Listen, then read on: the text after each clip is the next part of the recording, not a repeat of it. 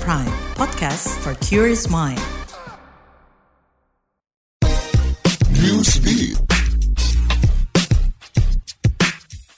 Seorang perempuan berusia 16 tahun Armita Garawan terbaring koma usai berselisih dengan polisi moral Iran lantaran dia menggunakan baju yang dinilai ketat. Pakaian Armita dianggap tidak sesuai dengan syariat Islam. Perselisihan antara Armita dan polisi moral terjadi di kereta metro kota Teheran. Melansir AFP, orang tua korban mengatakan putrinya tidak memiliki harapan sembuh lantaran usai bentrokan dengan polisi moral, Armita dinyatakan mati otak atau tidak berfungsi berfungsi lagi.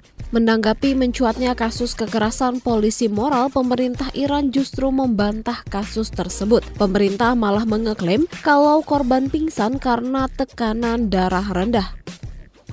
Jepang menyelidiki perusahaan multinasional Amerika Serikat Google soal dugaan monopoli. Google diduga mendorong produsen smartphone menggunakan platformnya sebagai default atau pengaturan yang disesuaikan dengan standar atau bawaan pabrik perangkat. Penyelidikan dilakukan Komisi Perdagangan Adil Jepang.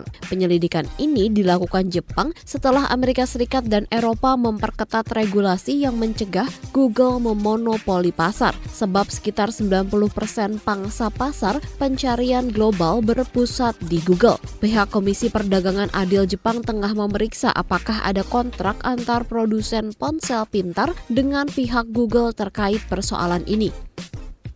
Peneliti dari Dartmouth College Amerika Serikat menilai boyband asal Korea Selatan BTS telah menyelamatkan banyak nyawa selama pandemi COVID-19.